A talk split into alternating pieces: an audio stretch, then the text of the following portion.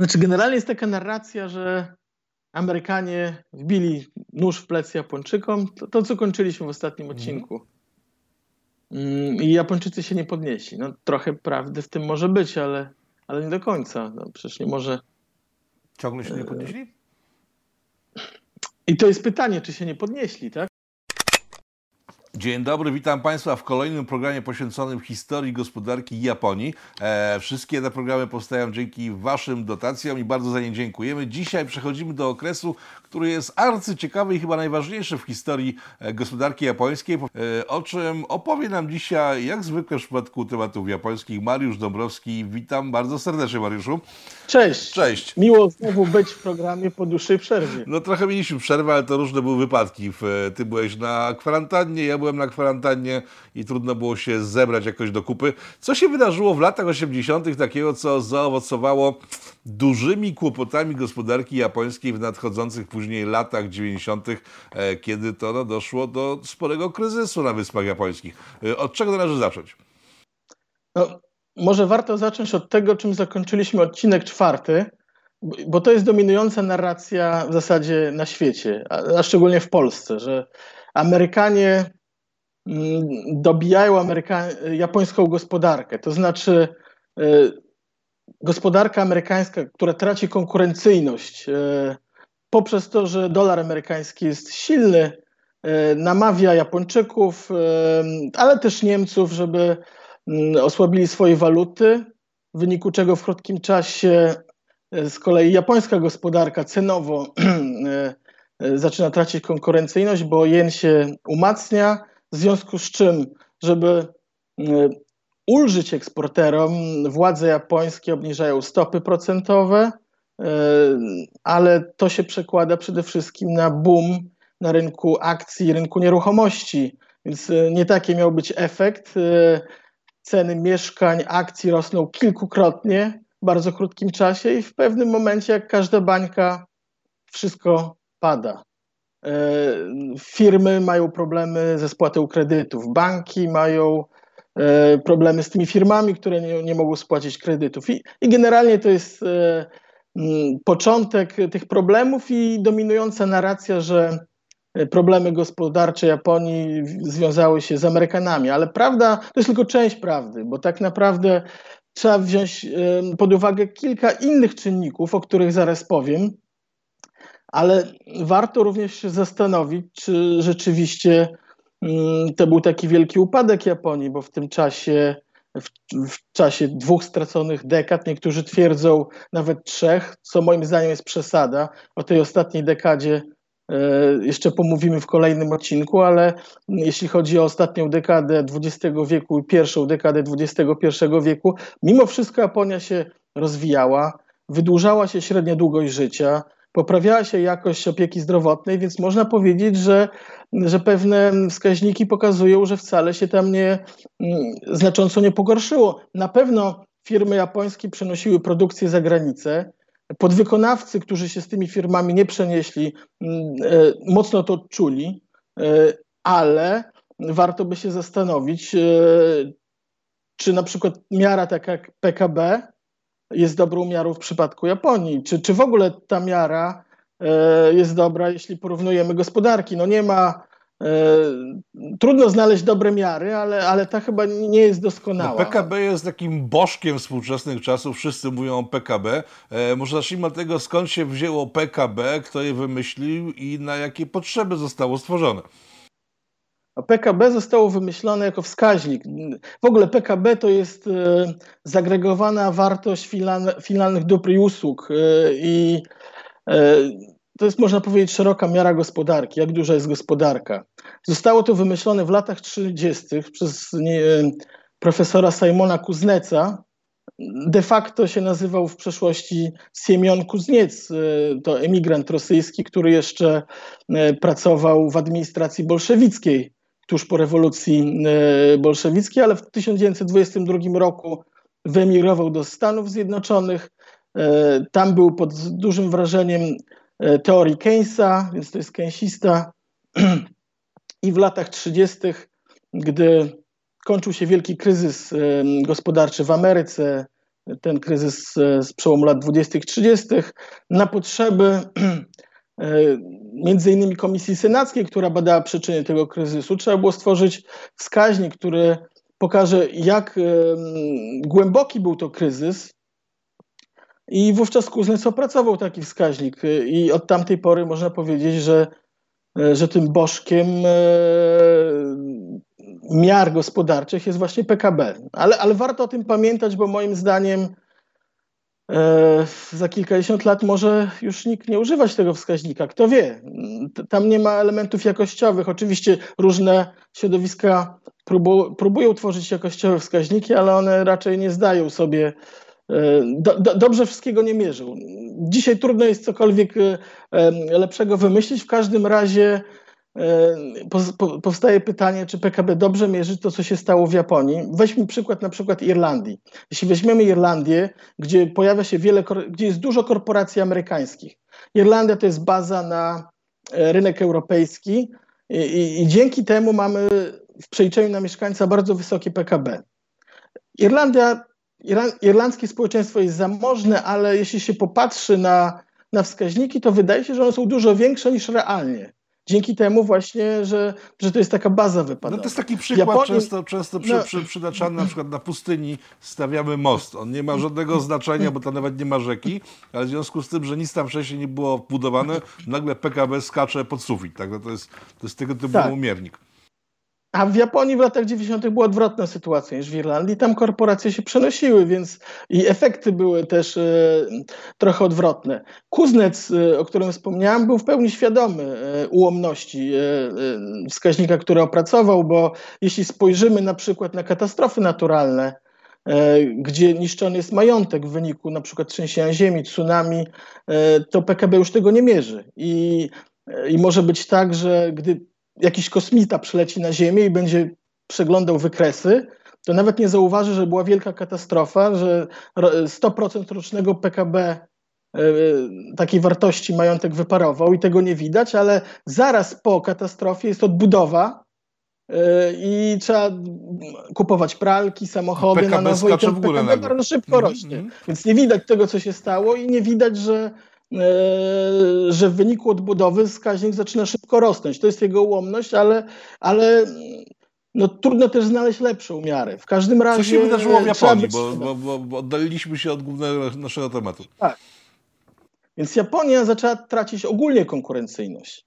Czyli to nie tylko ten wątek amerykański, choć trzeba go wziąć pod uwagę, ale trzeba pamiętać, że w latach 90. pojawili się wielcy rywale w Azji. E, pojawiły się Chiny, pojawiła się Korea Południowa. Kraje, które naśladowały Japonię, czyli wykorzystano między innymi techniki japońskie, techniki w zarządzaniu, żeby mm, Japonię pokonać, a Japończycy, którzy byli uniesieni wielkim sukcesem lat 80., y, w zasadzie ignorowali swoich konkurentów. Pojawił się y, Tajwan także. Pojawił się także Tajwan. Pojawiła się nowa Dolina Krzemowa. Tu o tym warto wspomnieć, że E, od roku 95, od debiutu firmy Netscape, mamy do czynienia z e, boomem dotcom w Stanach Zjednoczonych, który potrwa 5 lat.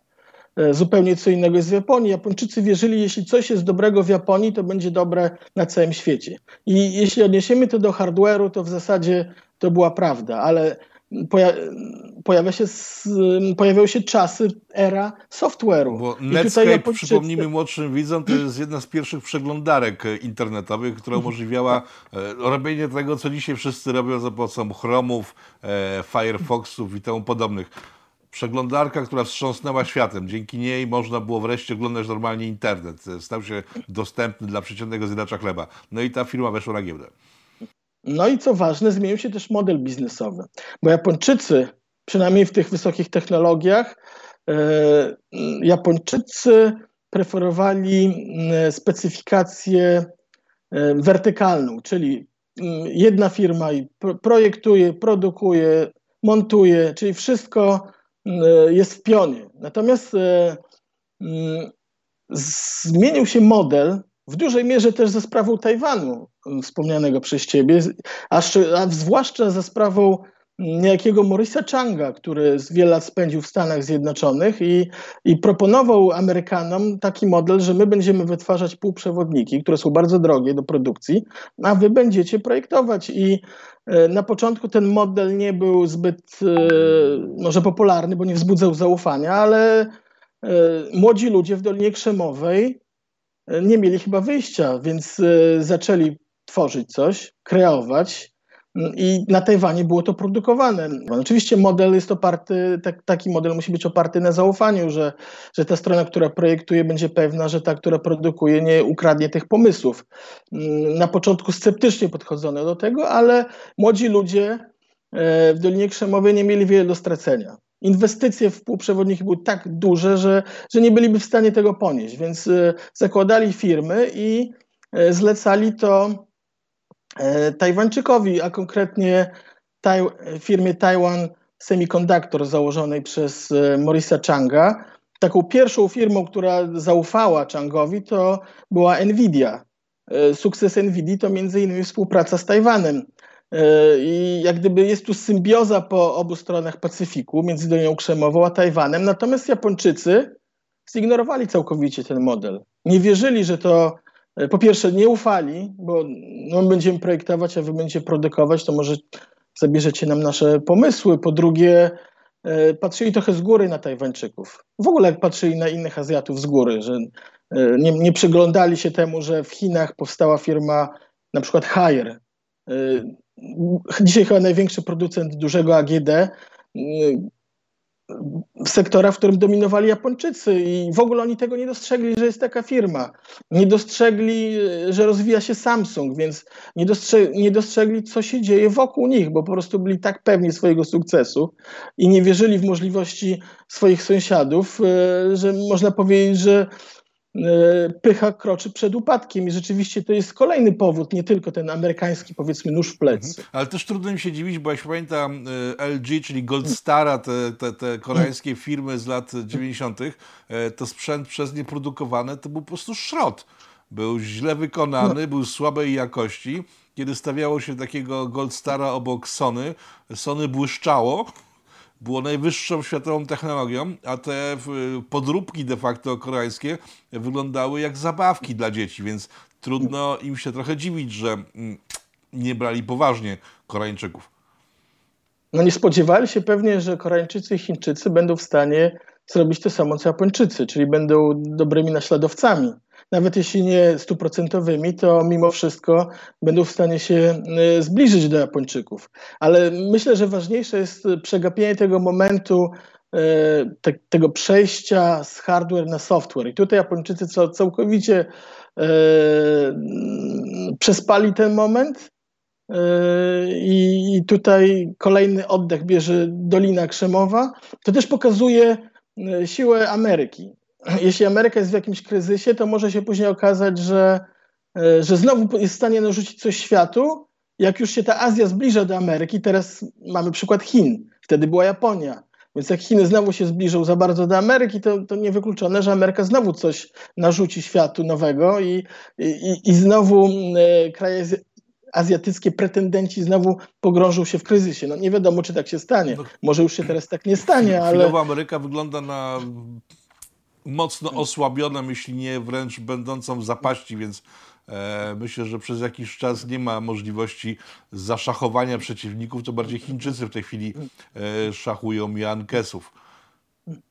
Ale jeszcze tutaj trzeba dodać kilka czynników. Co się wtedy wydarzyło w Japonii? Lata 90., a dokładnie ten właśnie rok 95, w którym to Netscape debiutuje na giełdzie. E, mamy wielkie trzęsienie ziemi w Kobe. W zasadzie jest to pierwsza wielka tego typu katastrofa w Japonii od lat 40. Przez te dekady wielkiego wzrostu y, Japonia nie miała mm, wielkiej katastrofy sejsmicznej. W zasadzie można powiedzieć, że było kilkadziesiąt lat e, spokoju sejsmicznego. Zaczyna się coś zmieniać. Kilka miesięcy po tej katastrofie mamy zamachy terrorystyczne w metrze tokijskim. Więc to wszystko dzieje się w jednym momencie. E, w jednym momencie Japończycy zaczynają tracić wiarę o ile na początku e, lat 90. patrzyli z góry na wszystkich, to w pewnym momencie czują, że coś idzie w, w złym kierunku. Dwa lata później, 97 rok, mamy azjatycki kryzys gospodarczy. Kryzys, który akurat tutaj Koreę Południową dotknął bardziej i kraje Azji Południowo-Wschodniej niż Japonię, ale mimo wszystko Azja pogrąża się w kryzysie, więc e, w ogóle później kolejne kryzysy, bo mamy też kryzys e, na początku, czy w pierwszej dekadzie XXI wieku, który dotyka cały świat 2007-2009. I tutaj ważna rzecz, o której warto wspomnieć, być może dotycząca sposobu myślenia wschodniego i zachodniego. Bo gdy mamy kryzys, bankrutują firmy, rośnie bezrobocie. I w zasadzie ludzie, którzy patrzą na Azję czy Japonię, mogą sobie zdawać sprawę, że oni prowadzą złą politykę gospodarczą. Powinien tym firmom upaść, e, gospodarka się oczyści i później pojawią się nowi gracze, e, gospodarka zacznie się rozwijać, zacznie zatrudniać ludzi i wszystko wróci do normy. I może być nawet lepiej niż było wcześniej. Natomiast tam sposób myślenia jest trochę inny. Bezrobocie jest kwestią e, umowy społecznej wręcz, więc robi się wszystko, żeby nie doszło do wzrostu bezrobocia, mając świadomość, że ten model zachodni mógłby być dobry. Niemniej to, żeby utrzymać bezrobocie, stopę bezrobocia na niskim poziomie, często się poświęca wysoki wzrost gospodarczy. Przynajmniej w Japonii poświęcono być może w dłuższej perspektywie szybszy wzrost gospodarczy w zamian za niskie bezrobocie. Ale jak się pojedzie do Japonii, to, to, to właśnie widać, że każdy tam coś robi. Nawet e, jakieś niepotrzebne osoby e, coś robią tylko po to, żeby było małe bezrobocie. Nawet jeśli są jakieś drobne roboty budowlane, to często bywa tak, że przed e, koparką stoi człowiek z chorągiewką i za koparką stoi człowiek z chorągiewką. Już dwie osoby mają pracę. Mm, o ile w produkcji Japonia jest bardzo efektywna, o tyle w usługach e, ta efektywność jest bardzo niska w porównaniu do zachodu, ale każdy ma pracę, każdy coś robi, więc to jest taki model, że zamiast dawać zasiłki ludziom, to lepiej niech oni coś robią, niech będzie niskie bezrobocie. Ale to jest, fikcyjne, to jest de facto fikcyjne zatrudnienie, bo ci ludzie nie są potrzebni tam na miejscu do niczego. No tak, tak. Jest dużo fikcyjnego zatrudnienia, zwłaszcza w usługach. Nie mówię o produkcji, bo tutaj Japończycy rzeczywiście są mocni, ale w usługach to już wygląda e, dużo gorzej. Więc mamy tutaj pewnego rodzaju umowę społeczną e, związaną z utrzymaniem niskiego bezrobocia. Poza tym może ten model jest lepszy niż wypłacanie zasiłków i żeby ludzie siedzieli w domach e, i przed telewizorem. Więc e, w, długim, w długiej perspektywie trudno powiedzieć, które podejście jest lepsze tak naprawdę. Więc e, Niemniej, gdy się patrzy z zachodu na Japonię, warto mieć świadomość, że tam może być troszeczkę inaczej. Jeszcze dodałbym kolejny czynnik to demografia. Japonia się zaczyna starzeć, już w latach 90. E, w liczbach bezwzględnych e, siła produkcyjna, ludzie w wieku produkcyjnym zaczęli się kurczyć, więc e, na ogólny PKB ma wpływ też demografia, no bo jeśli będzie więcej ludzi, to będzie większa gospodarka, no to, to ten wskaźnik będzie duży, ale... Ale ta demografia ale zaowocowała ciekawym rozwiązaniem, bo oni jako, że są ksenofobami strasznymi, nie wpuszczają do siebie nikogo z zewnątrz, e, wypuścili fabryki na zewnątrz, co też było nowum, no tak. E, jeżeli chodzi o Japonię. Znaczy tu, i tutaj właśnie y, można też wrócić do pierwszego wątku wskaźników gospodarczych. Y, bo Japonia zamiast ściągać imigrantów, y, budowała fabryki za granicą, tam gdzie jest siła robocza. Więc po co ściągać ludzi, jak jest siła robocza tam? Ale to automatycznie powoduje, że pogarszają się wskaźniki gospodarcze, na które patrzymy. Na przykład często zwracamy uwagę na e, saldo handlu zagranicznego. No więc jeśli ktoś e, w Japonii produkował i eksportował, to mamy eksport, ale jeśli ktoś się przenosi za granicę, to ten, tego eksportu nie ma, wręcz pojawia się import, bo te towary trzeba z tej firmy ściągać do Japonii. E, wskaźniki się pogarszają, mamy, pojawia się deficyt w handlu, może się pojawić usługami czy towarami, ale ostatecznie musimy jeszcze wziąć pod uwagę dochody z tych inwestycji, bo te fabryki generują dochody za granicą, więc e, w przypadku Japonii nie polecałbym e, przywiązywania wagi do e, salda handlu zagranicznego. Trzeba spojrzeć na szerszą miarę, na rachunek obrotów bieżących, gdzie oprócz właśnie handlu towarami czy usługami, mamy też dochody z inwestycji portfelowych i bezpośrednich, więc to pokazuje, że te wskaźniki, którymi się posługujemy, one mogą troszeczkę zakłamywać obraz E, I Japonia, mimo że rzeczywiście się tam pogorszyło, znaczy spadło tempo na pewno wzrostu, to, ona, e, to gospodarka ta wcale nie wygląda aż tak źle. Zresztą trudno, żeby wyglądała aż tak źle, skoro nawet dzisiaj, jeśli spojrzymy na gospodarkę japońską w 2020 roku, to nominalnie jest to trzecia gospodarka świata.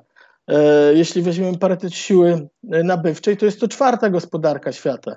Więc, a wtedy, e, jeśli spojrzymy na te dwie stracone dekady, no to w zasadzie cały czas to była druga gospodarka świata. W końcówce... Skąd, skąd w takim razie to określenie stracone dekady, skoro mówimy o jednym z najbogatszych państw świata, które de facto sobie świetnie radziło przez cały ten czas?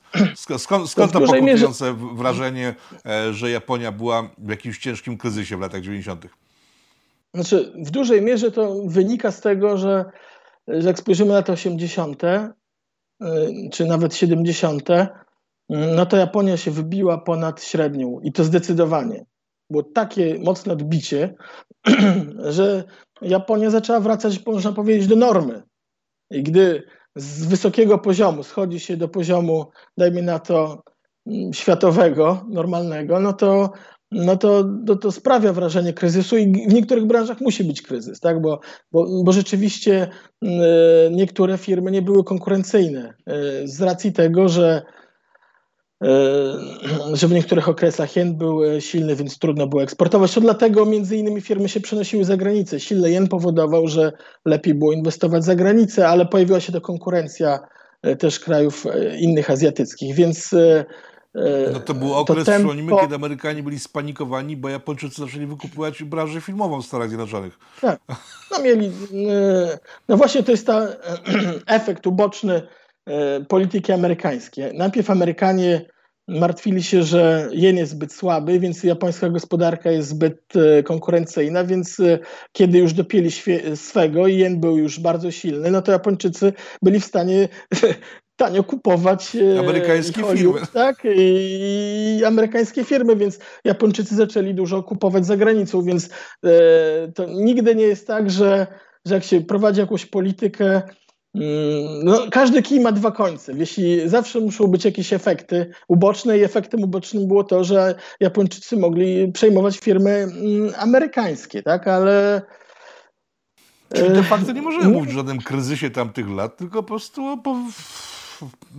w słabszym rozwoju, wolniejszym, a i tak de facto plasującym tak. Japonię na drugim miejscu, jeśli chodzi o gospodarki światowe przez cały ten okres, o którym mo tak. mowa często o ogromnym kryzysie gospodarki japońskiej. Niemniej e, sami Japończycy byli też e, sfrustrowani e, czego dawali wyraz w wyborach parlamentarnych, bo po latach rządów prawicy nagle właśnie w tym okresie E, zaczęły się pojawiać e, rządy lewicy na krótko w połowie lat 90. i, i takie spektakularne zwycięstwo lewicy e, w 2009 roku i, i krótkie rządy do 2012. Ale, jak, jak, ale jak wygląda lewica japońska? To jestem bardzo ciekaw. No w zasadzie teraz to już e, nie wygląda, bo jest w rozsypce. Opozycja jest taka jak w Polsce. Mm. No ale tu możemy mówić o różnej maści socjalistach, czy nawet wręcz komunistach. Mm. Ale to w ogóle przecież, Generalnie... to przecież wbrew w ogóle kulturze japońskiej. Już tak, tak już abstrahując ze wszystkiego, wydaje się. Japończyk, socjalista, komunista, w chwili, kiedy tam e, panuje religia, która po prostu de facto no, no ten e- element religijny to właśnie może różnić e, Zachód i Wschód. Jeśli mówi, używamy takich uproszczeń jak prawica i lewica, bo może być inny stosunek na przykład do aborcji i tym podobne. No, inne będą kraje chrześcijańskie, inne kraje buddyjskie czy szintoistyczne. Niemniej, e, jeśli się skupimy na sferze gospodarczej, na polityce zagranicznej, to już można porównywać i Wschód z Zachodem. Niemniej, jeśli popatrzymy na co, co preferowali Japończycy, to od momentu powstania w 1955 roku Partii Liberalno-Demokratycznej, dziwna nazwa trochę, ale to jest centroprawica japońska, można powiedzieć taka konserwatywno-liberalna, to od 1955 roku Japończycy cały czas głosują na nich, z wyjątkiem krótkiego epizodu, kiedy lewica w połowie lat 90. doszła do, do władzy i, i już pewien marazm, nie mówimy tu o, może o jakimś upadku gospodarki japońskiej, niemniej o pewnym zmęczeniu. Jednak te dwie stracone dekady to na pewno zmęczenie społeczeństwa po tym, co było wcześniej, a tutaj no, znowu gospodarka nie może się odbić. Ona się rozwija powolutku, ale, e, ale nie ma powrotu do tych spektakularnych sukcesów. E, I po wielkim kryzysie gospodarczym na świecie, lata 2007-2009, lewica w Japonii e, zdobywa ponad 40% poparcie. Zdobywa w Izbie Niższej Parlamentu ponad 60% miejsc. To jest zupełnie nowa sytuacja. Ale ta lewica nie jest w stanie e, sobie poradzić, bo lewica obiecuje Japończykom, że przeniesie mm, bazę amerykańską z Okinawy, gdzieś indziej, a może nawet poza Japonię, co się nie udaje. E, druga rzecz, nie radzą sobie z gospodarką. To jest też okres znowu silnego jena, więc eksporterzy narzekają. Generalnie lewica nie, nie, nie, radzi sobie dobrze z gospodarką. Co roku zmieniają się premierzy. Szok i niedowierzanie. Lewica nie radzi sobie z gospodarką. Jestem bardzo zaskoczony. Tak, i, i mamy rok 2000, oni dochodzą do władzy w 2009 i rok 2011 to jest Fukushima. Lewica trafia na największą katastrofę, jaka jest w Japonii. No nie licząc e, II wojny światowej, ale dochodzi do potężnego trzęsienia ziemi, największego zarejestrowanego w historii Japonii, o czym będziemy mówić w kolejnym odcinku, jest tsunami i awaria w elektrowni jądrowej. I, jak, i, I, z tym kryzysem lewica już nie jest w stanie w ogóle poradzić. E, I prawica już w 2012 roku odbiera władzę i, trzyma ją do dzisiaj. Partie prawicowe wówczas mm, w Izbie Niższej Parlamentu zdobyła aż 80% miejsc e, rok po Fukushimie. Warto zwrócić uwagę, że w samej prefekturze, może powiem kilka słów o systemie wyborczym w Japonii, bo Y, o tym się raczej nie, za bardzo nie mówi. No właśnie, jak, jak wygląda system polityczny w Japonii, jeżeli chodzi o ugrupowania, e, sposób wyborów? Bo e, z tego, co mówisz, wygląda na to, że Japończycy są bardzo radykalni w swoich wyborach, ale też konsekwentni, bo e, coś musiało się wydarzyć złego, skoro w tym 2009 dopuścili do głosu lewicę, dając jej silny mandat ale też szybko zorientowali, że nic to nie daje. W związku z tym równie szybko zmienili zdanie i następny, e, następny parlament był, w, był już wypełniony po brzegi prawicą. Jak wygląda ten system? Tak. Jakie były powody, dla których lewica w latach 90. raptem na rok tylko zyskała władzę? E, I dlaczego w, straciła ją prawica w 2009? Bo to jest ciekawe. E, w Japonii mamy parlament dwuizbowy, tak jak w wielu krajach, tak jak w Polsce chociażby. Mamy izbę niższą, czyli izbę reprezentantów i izbę wyższą, izbę radców. E, jest troszeczkę podobieństw, e, ale jest trochę różnic. E, warto wspomnieć o, o, systemie wyborczym. W Izbie Niższej zasiada obecnie, tam się zmienia co jakiś czas, zmienia się populacja, więc zmienia się liczba posłów, nie tak jak u nas, że to jest stałe 460, teraz tam jest 460 posłów. Więc no tyle samo co w Polsce mniej więcej. Więc jeśli wziąć, jak liczyłem sobie e, odniesienie do populacji, e, Japonia no jednak jest krajem bardziej ludnym, no to w, gdyby przyjąć jako wyznacznik Japonię, to w Polsce powinno być 140 posłów. E, przy te, więc, a nie 460. Niemniej e, w Japonii mamy system mieszany. 60%, mniej więcej 60% posłów wybieranych jest w okręgach jednomandatowych mm, i pozostałe około 40% wybierane jest e, w okręgach wielomandatowych przy zastosowaniu systemu proporcjonalnego i liczenia głosów metodą Donta, podobnie jak w Polsce. No i tak powstaje mm, później e, skład parlamentu. Jeśli chodzi o Izbę Wyższą, troszeczkę przypomina model amerykański. W ogóle wspomnę, że pierwsza, e, że Izba Niższa ma czteroletnią kadencję, tak samo jak w Polsce. Natomiast Izba Wyższa e, troszeczkę przypomina mm, może model amerykański, tam jest kadencja sześcioletnia, E, i co trzy lata wymienia się połowę e, składu. I, i, I, też jest system mieszany. i są okręgi, i jest system większościowy z okręgami jednomandatowymi, z okręgami wielomandatowymi i, i proporcjonalny też z metodą Donta, więc wszystko jest tam skomplikowane. Można powiedzieć, że Azjaci często mm, to takie społeczeństwa kompromisu, które potrafią łączyć ze sobą różne sprzeczności nie tak jak w Polsce, że jest jedna opcja, która chce okręgi jednomandatowe, a druga, że, że nie. Nic pośrodku. Jak, jak widać, Japończycy pomieszali sobie to i jakoś to funkcjonuje u nich. Kampania wyborcza jest dość krótka.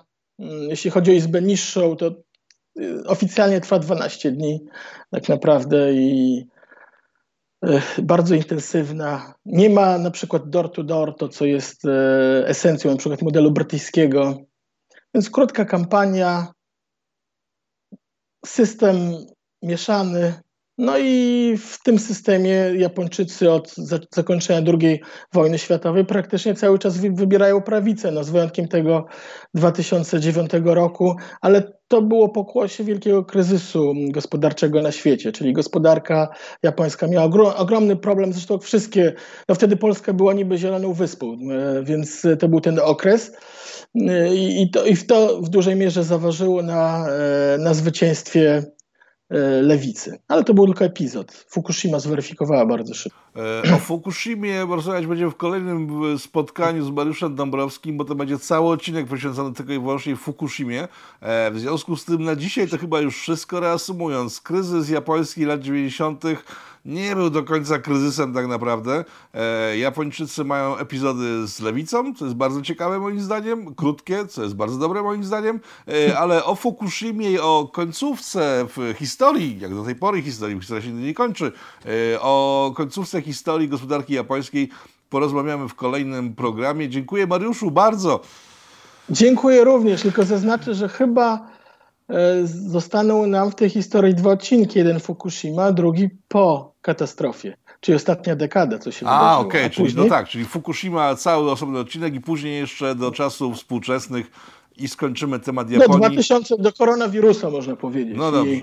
A potem weźmiemy się za kampanie wschodnioindyjskie, bo to jest temat, który A, czeka sobie tak. na tacy. Jest i jest Nie gruby. tylko kampanie, ale generalnie e, myślę, że stosunki gospodarcze Europa-Azja, od czasów wielkich odkryć geograficznych. Tematów, Myślę, że tematów jest sporo. Także e, na dzisiaj dziękuję Państwu. Mariusz, jeszcze raz kłaniam się. Ja również dziękuję. I do zobaczenia w kolejnym odcinku naszego cyklu.